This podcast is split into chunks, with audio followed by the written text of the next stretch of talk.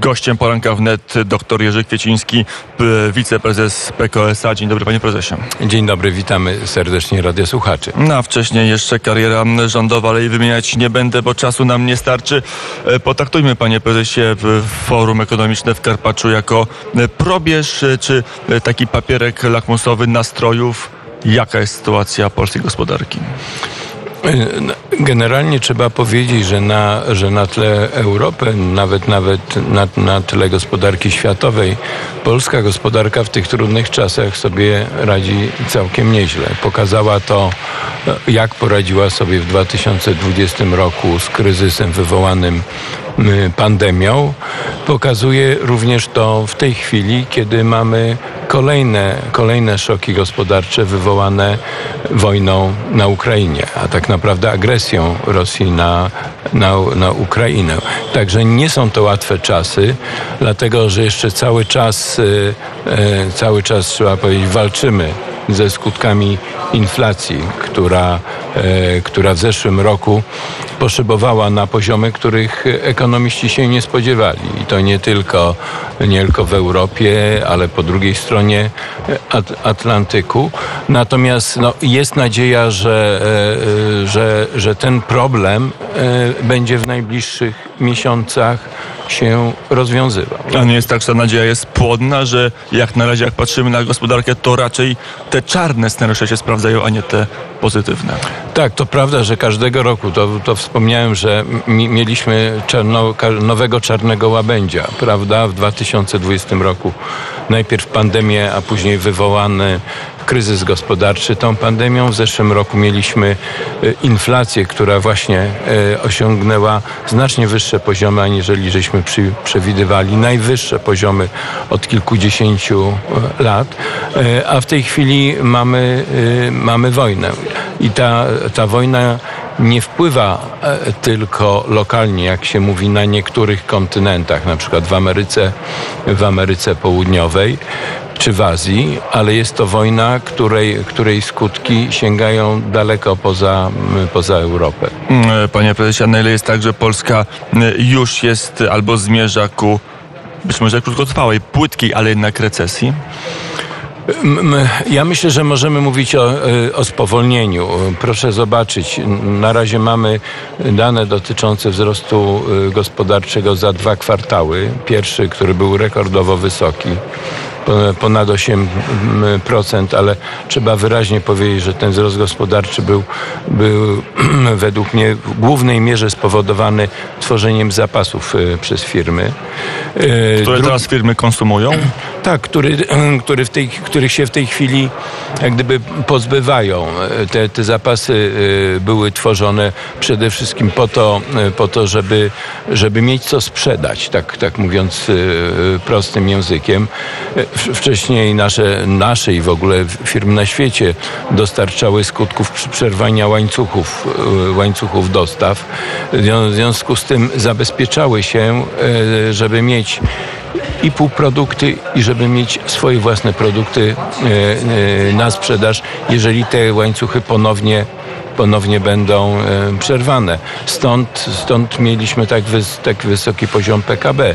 Drugi kwartał mówi się, że, znacząco niższy, ale panie redaktorze... No poniżej chcia... konsensusu i tak wyraźnie poniżej konsensusu tak, ekonomistów. To, to prawda, ale e, e, ja chciałbym, żeby nasza gospodarka utrzymywała wzrost powyżej 5%. Zresztą do tego dążyłem, będąc w rządzie w średnim, w długim, w długim okresie. Więc ten wzrost gospodarczy był naprawdę silny nie, nie ma co ukrywać, że będzie spowolnienie. Ja myślę, że, że nie będziemy mieli e, tej takiej prawdziwej recesji, prawdziwego spowolnienia, czyli kiedy wzrost gospodarczy stanie się, e, stanie się ujemny.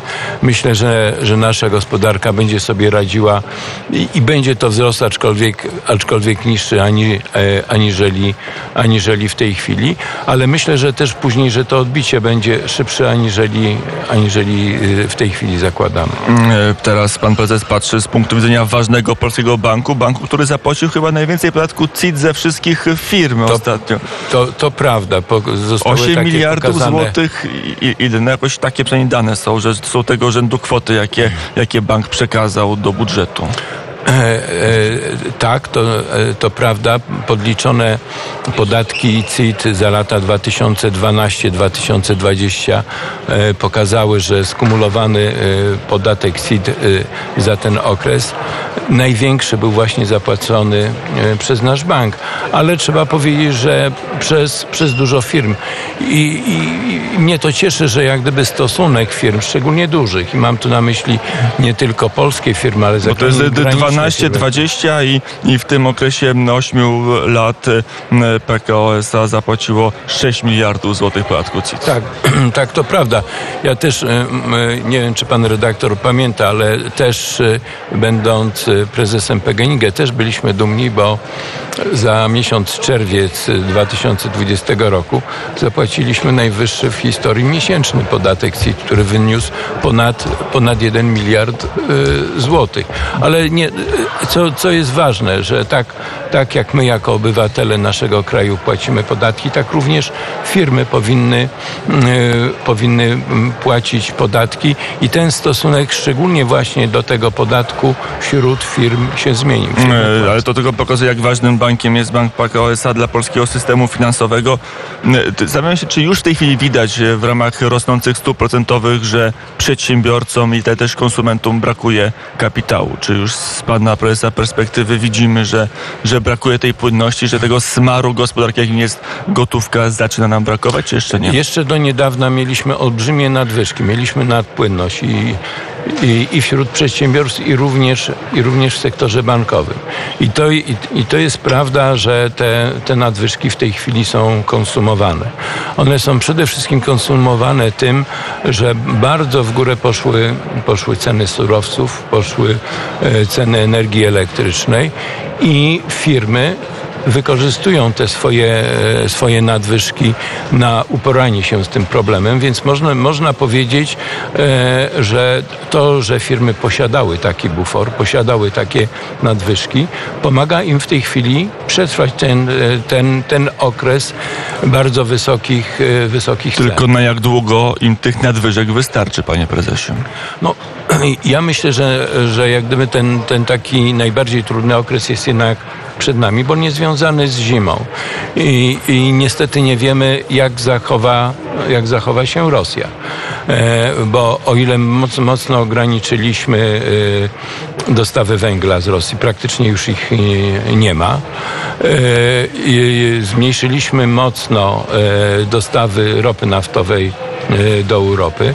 Natomiast jeżeli chodzi, e, chodzi o gaz, to ten gaz cały czas płynie i nie ma co ukrywać, że Rosja gra tym gazem, przykręcając kurek, wiedząc, że w tak krótkim okresie czasu Europa nie jest w stanie się przestawić na, na dostawy z innych kierunków. Jeśli przykręci, energia będzie jeszcze droższa, gaz poszybuje jeszcze wyżej będzie potrzeba, żeby e, uwolnić politykę e, chociażby stóp procentowych, żeby jednak pozwolić bankom na szerszą akcję kredytową?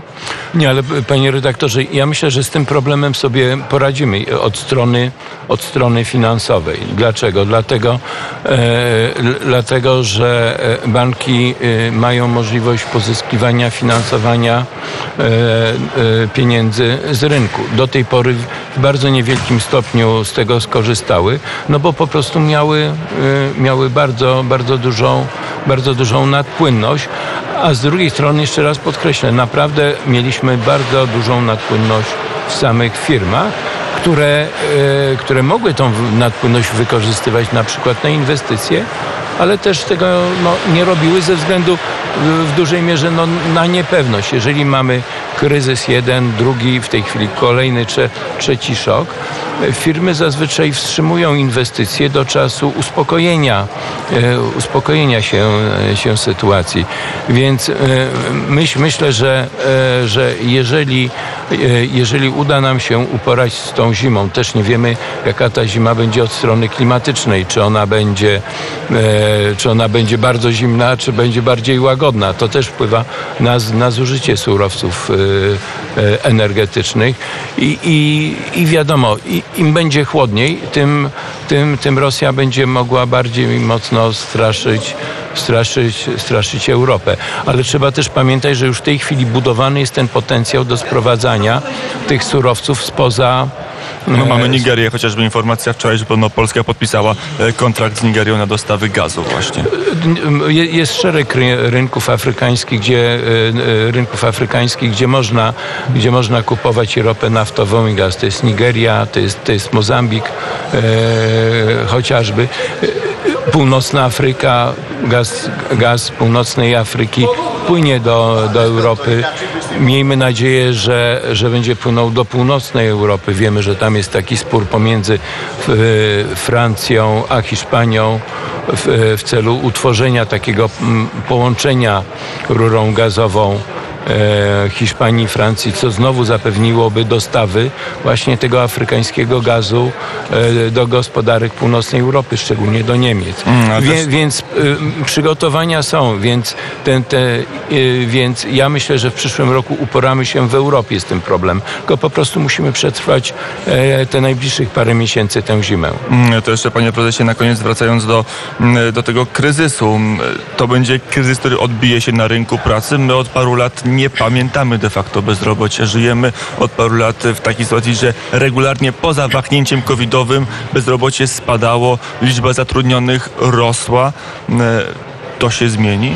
Tak, to, to prawda, że, y, y, że był, był, był pewien taki krótkotrwały, niewielki szok y, związany z, z kryzysem covidowym. On miał, on miał wpływ na poziom bezrobocia w paru branżach turystyczna, gastronomiczna, eventowa to są, to są te przykłady i gdzie mm, ponad 200 tysięcy osób w naszej gospodarce faktycznie straciło A teraz zagrożone są miejsca pracy w przemyśle. Niezwykle istotne, znacznie bardziej, przepraszam, może jakoś obrażę, wartościowe dla gospodarki niż, niż, niż w usługach. Nie, to prawda, dlatego że przemysł znacznie lepiej akomoduje e, takie te, kryzysy. Mieliśmy tego dowód 10 lat temu, mieliśmy też dowód e, w, zesz- w, w 2000 2020. A teraz mają szok roku. z inflacją, szok z pieniądzem i jeszcze szok z energią.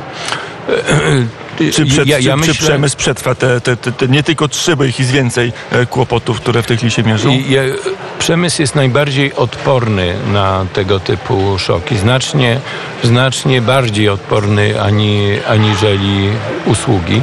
I ten przemysł w naszej gospodarce ma bardzo silną, silną pozycję. I, I ten kryzys 2020, a wcześniej sprzed, sprzed ponad 10 lat pokazał, że, że właśnie kraje, które silnie opierały swoją gospodarkę, swój rozwój na przemyśle, znacznie lepiej, lepiej sobie poradziły to, co nam w pewnym stopniu może e, grozić w tych, w tych najbliższych e, kwartałach, e, to jednak problemy gospodarki niemieckiej, bo nie zawsze sobie zdajemy, ale jednak nasza gospodarka i szczególnie przemysł jest bardzo silnie połączony z gospodarką niemiecką. Prawie 30% naszej wymiany handlowej jest, jest z Niemcami. Więc, więc jeżeli będą, a tu są sygnały jednak, problemy w gospodarce niemieckiej, to to również może się odbić, e, odbić na naszym przemyśle.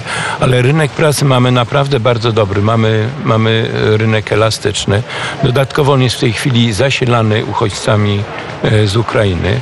Te osoby też stopniowo, mówię, ten, te nowe, które napłynęły, e, też zaczynają wchodzić na rynek pracy. I teraz to... to nie jest dużym kłopotem, bo praca jest, a jak zabraknie? I, ja, I czy zabraknie? Na pewno, na, na, na pewno trzeba e, powiedzieć, że to, nie, że to nie będzie tak, że to spowolnienie nie będzie miało żadnego wpływu e, na rynek pracy.